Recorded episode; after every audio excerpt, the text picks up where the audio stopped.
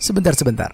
Sebelum kamu mendengarkan episode kali ini, buat kamu yang ingin membuat podcast seperti saya, maka Anchor adalah cara termudah untuk membuat atau mempunyai podcast. Kenapa? Karena di dalam aplikasi Anchor terdapat fitur-fitur yang memudahkan kamu untuk membuat podcast. Anchor juga bisa membantu untuk mendistribusikan podcast kamu secara luas, seperti Spotify dan platform podcast lainnya. Langsung saja download aplikasi Anchor A N C H O R di App Store dan Play Store.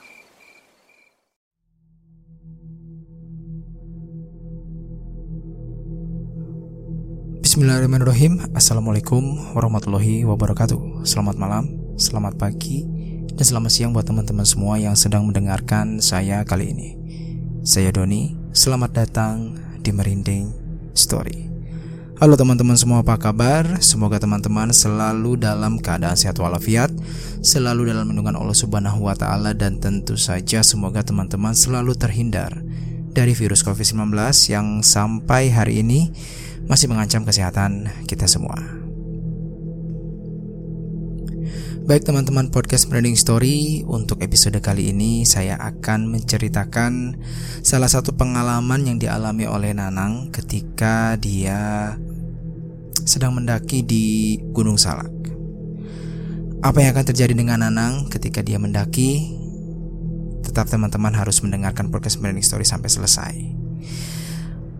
Dan kebetulan juga kayaknya udah lama banget ya saya nggak nyeritain cerita-cerita mengenai pendakian. Kayaknya lama banget ya. Terakhir apa ya cerita yang mana ya tentang pendakian ya? Lupa, lupa udah lupa banget. Dan kemarin juga sempat ada yang komen di Spotify yang minta untuk cerita pendakian dan kali ini saya kabulkan karena emang kebetulan ada ada ceritanya dan terima kasih buat teman-teman yang kemarin sudah menuliskan komentar di setiap episode uh, podcast branding story yang diupload. Itu saya sangat senang sekali.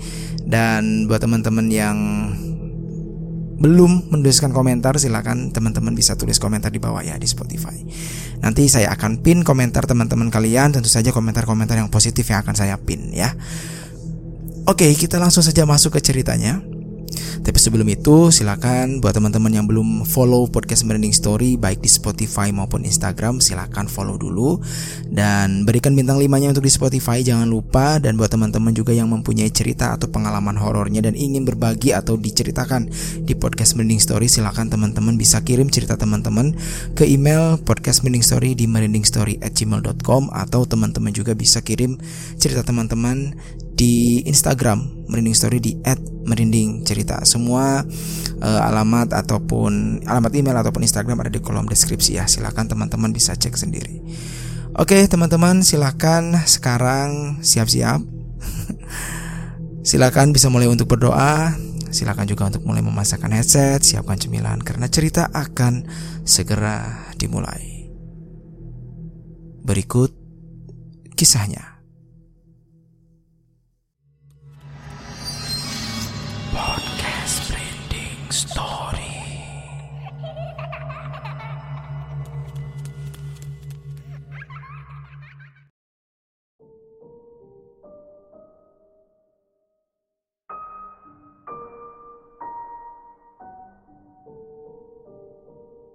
Pada kali ini, gua akan membawakan cerita dari Nanang. Ketika dia dan temannya yaitu Papang mendaki ke Gunung Salak via Cimelati pada tahun 2018. Nanang dan Papang berasal dari tempat yang sama yaitu Sukabumi. Berawal dari ajakan Nanang, dia mengajak Papang untuk mendaki ke Gunung Salak. Hal ini dikarenakan Gunung Salak adalah gunung terdekat dari tempat keduanya. Akhirnya, mereka berdua pun berangkat dari rumah masing-masing dengan mengenakan sepeda motor.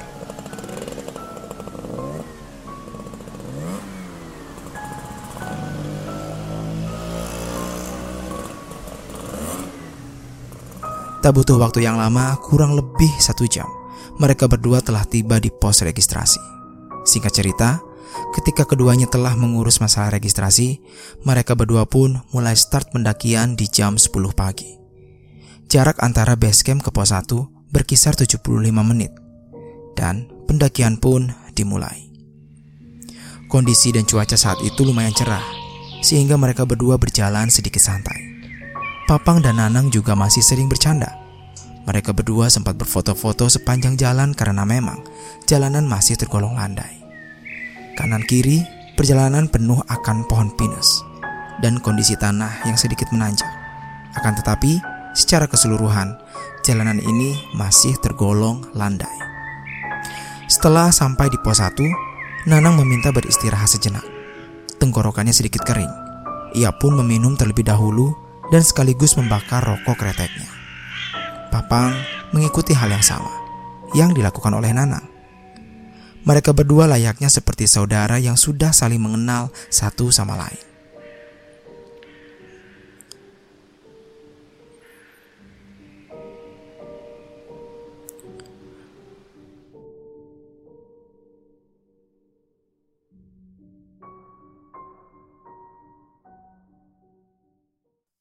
Perjalanan kembali dilanjutkan. Mereka akan menuju ke pos 2. Jarak antara pos 1 dan pos 2 berkisar 30 menit. Jalanan ini masih landai juga dan rata-rata. Jalanan ini didominasi oleh tanah dan akar-akaran. Di jam 1 siang, mereka kembali melanjutkan perjalanan menuju pos berikutnya. Trek dari pos 1 menuju ke pos 2. Jalur pendakiannya menyusuri jalur tanah yang padat namun masih landai. Dari sini, awal kejadian dimulai.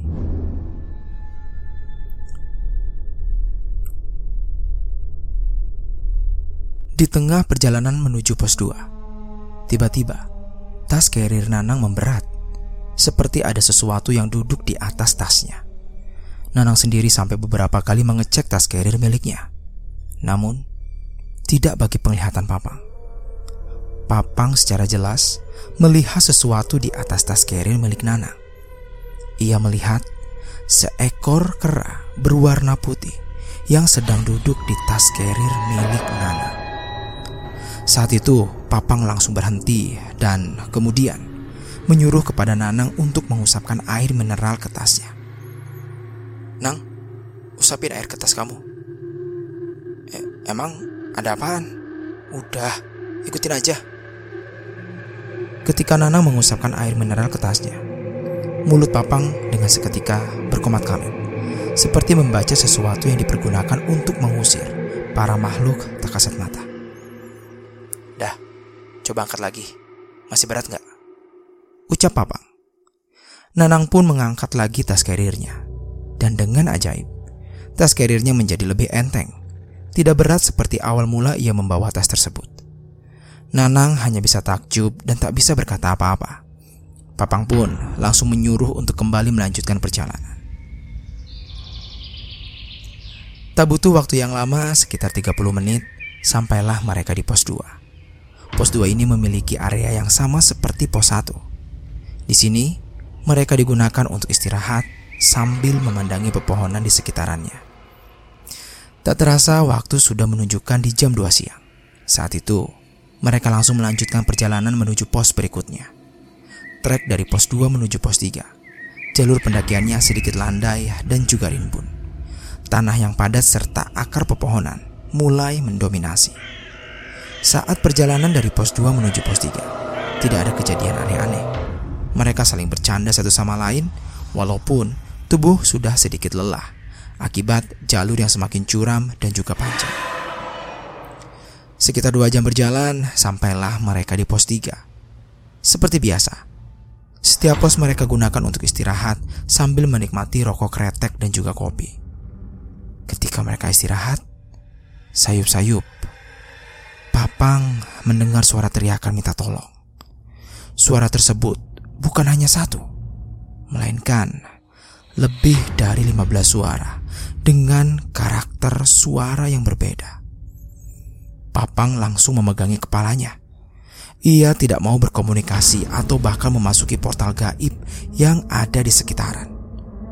Karena ada yang aneh, Nanang ini tiba-tiba bertanya. Kamu kenapa? Uh, uh, aku, aku, aku, aku dengar suara minta tolong. Hah? Kan gak ada pendaki lain selain kita.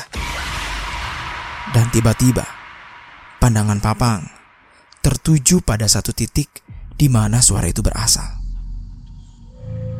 Papang melihat banyak sekali sosok dengan baju yang penuh dengan darah, serta wajah yang sudah rusak. Beberapa dari mereka ada yang memegangi tangannya yang sudah putus. Lalu, ada juga yang membawa seorang anak kecil dengan mata yang sudah tertusuk ranting pohon. Papang ketakutan melihat itu. Ia berteriak-teriak ke arah rombongan sosok itu. Pergi, pergi, jangan ganggu kami. Namun, beberapa sosok ini terus berucap, tolong temukan jasad kami. Mendengar suara tersebut, Papang langsung berdiri dan segera mengangkat tas kerirnya. Nanang bingung, ia tak tahu harus bagaimana. Pang, ada apa? Ayo, cepetan cabut. Mereka mengikuti kita. M mereka siapa? Papang pun langsung berjalan duluan dan meninggalkan Nanang yang masih kebingungan. Namun hal yang serupa terjadi pada Nanang. Kali ini, Nanang mencium bau busuk bangkai manusia yang ada di sekitarannya. Nanang yang penakut buru-buru mengangkat tas kerirnya dan mengikuti jejak papang yang sudah berjalan duluan.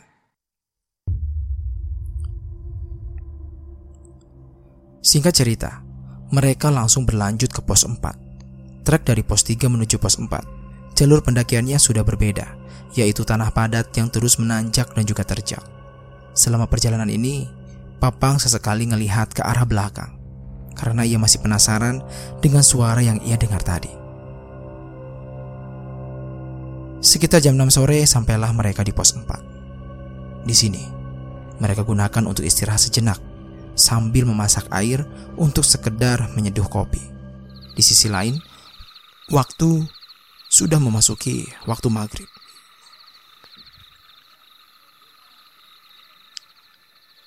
Saat istirahat ini, mereka mengobrol satu sama lain tentang akan mendirikan tenda di pos berapa.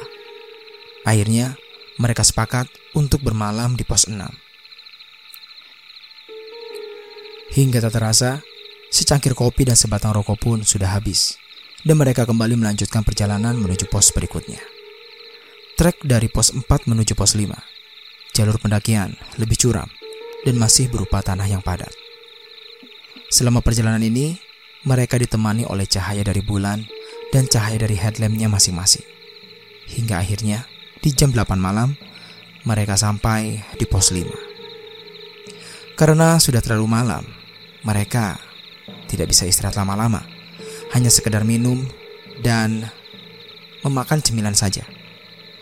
Kemudian, mereka melanjutkan perjalanan menuju pos berikutnya mereka akan dihadapi dengan trek yang semakin berat. Singkat cerita, sampailah mereka di pos 6 atau puncak. Di sini, mereka langsung mendirikan tenda dan beristirahat sambil membuat makanan. Di saat mereka sedang membuat makanan, mereka berdua mendengar suara. Mirip suara seperti gamelan dan suara ramai-ramai seperti di pasar. Mendengar hal itu, mereka saling bertatapan satu sama lain, seperti memberikan kode untuk segera masuk ke tenda. Mereka pun makan di dalam tenda dengan sekujur tubuh yang sudah bergemetar. Setelah selesai, mereka langsung istirahat.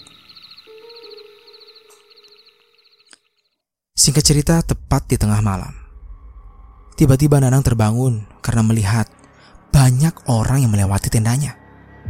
Di saat Nanang membuka tenda, Tiba-tiba, Nanang melihat dengan jelas pasar yang sangat ramai.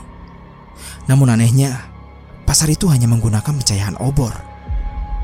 Di dalam pasar itu, banyak sekali aneka makanan, beserta dengan para pembeli dan penjualnya. Nanang yang penasaran pun, ia keluar dari tenda tanpa membangunkan papang. Nanang memperhatikan para penjual dan pembeli di pasar itu. Entah kenapa, Perutnya tiba-tiba lapar. Nanang pun mengocek uang di sakunya.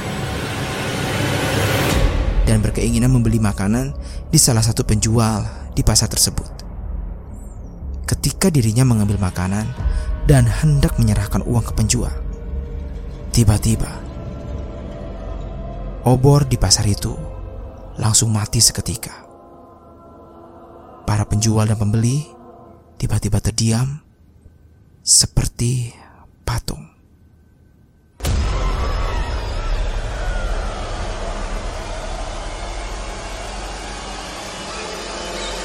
Tubuh Nanang pun gemetaran. Ia menjatuhkan makanannya sambil menatap para penjual dan pembeli yang sudah berubah wujud menjadi sosok yang menyeramkan. Salah satu sosok yang berada dekatnya langsung memegangi tangan Nanang sambil berkata, "Ini dia, pergi dari sini. Ini bukan tempat kamu." Nanang pun langsung berteriak ketakutan. Ia menutupi wajahnya dan sosok-sosok itu menertawakan Nanang. Mereka memutari Nanang selama tujuh kali sambil berkata, Jangan masuk ke tempat kami. Jangan masuk ke tempat kami. Nanang yang tak sanggup mendengar itu, ia pun pingsan di tempat. Singkat cerita keesokan harinya, Papang terkejut ketika di sampingnya sudah tidak ada Nanang. Papang kira Nanang terbangun duluan karena ingin melihat sunset. Namun, ketika dirinya keluar tenda, Papang melihat Nanang sedang tertidur di luar. Papang pun langsung membangunkan Nanang. Eh, Nang, bangun, bangun, bangun. Tetap saja, Nanang belum bisa terbangun. Papang pun langsung mengambil air dan mengusapnya ke wajah Nanang sambil membaca-baca ayat Al-Quran. Beberapa saat kemudian, Nanang terbangun. Di saat terbangun, Nanang menjerit ketakutan. Papang pun menanyakan apa yang telah terjadi. Nanang memberitahukan jika dirinya terjebak di pasar gaib. Papang pun hanya bisa terdiam. Ia kemudian meminta Nanang untuk tenang sejenak. Setelah tenang, Nanang pun mencari makanan yang ia pegang sewaktu berada di pasar gaib. Dan ternyata itu adalah batu. Papang pun meminta kepada Nanang untuk tidak terlalu memikirkannya. Singkat cerita, mereka pun menikmati pemandangan dengan hati yang tidak tenang. Setelah 30 menit di puncak, mereka memutuskan untuk turun. Namun, kejadian yang mengerikan kembali terjadi. Setiap kali mereka berjalan, mereka seperti diikuti oleh sesuatu. Hingga akhirnya, sampailah mereka berdua di base camp. Di sini, mereka gunakan untuk istirahat sambil bebersih. Dan tepat di sore hari, mereka berdua pulang ke rumah. Namun, Nanang masih belum aman. Dirinya sering kali kesurupan macam-macam sosok di sana. Sampai akhirnya, Nanang dirukiah. Menurut orang yang merukiah Nanang, para penghuni Gunung Salak marah kepadanya. Hal itu dikarenakan Nanang memasuki pasar goib di sana.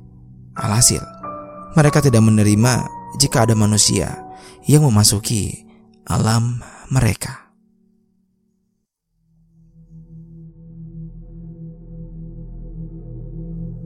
Oke teman-teman podcast Mending Story itulah cerita yang dialami oleh Nanang ketika dia sedang muncak di Gunung Salak.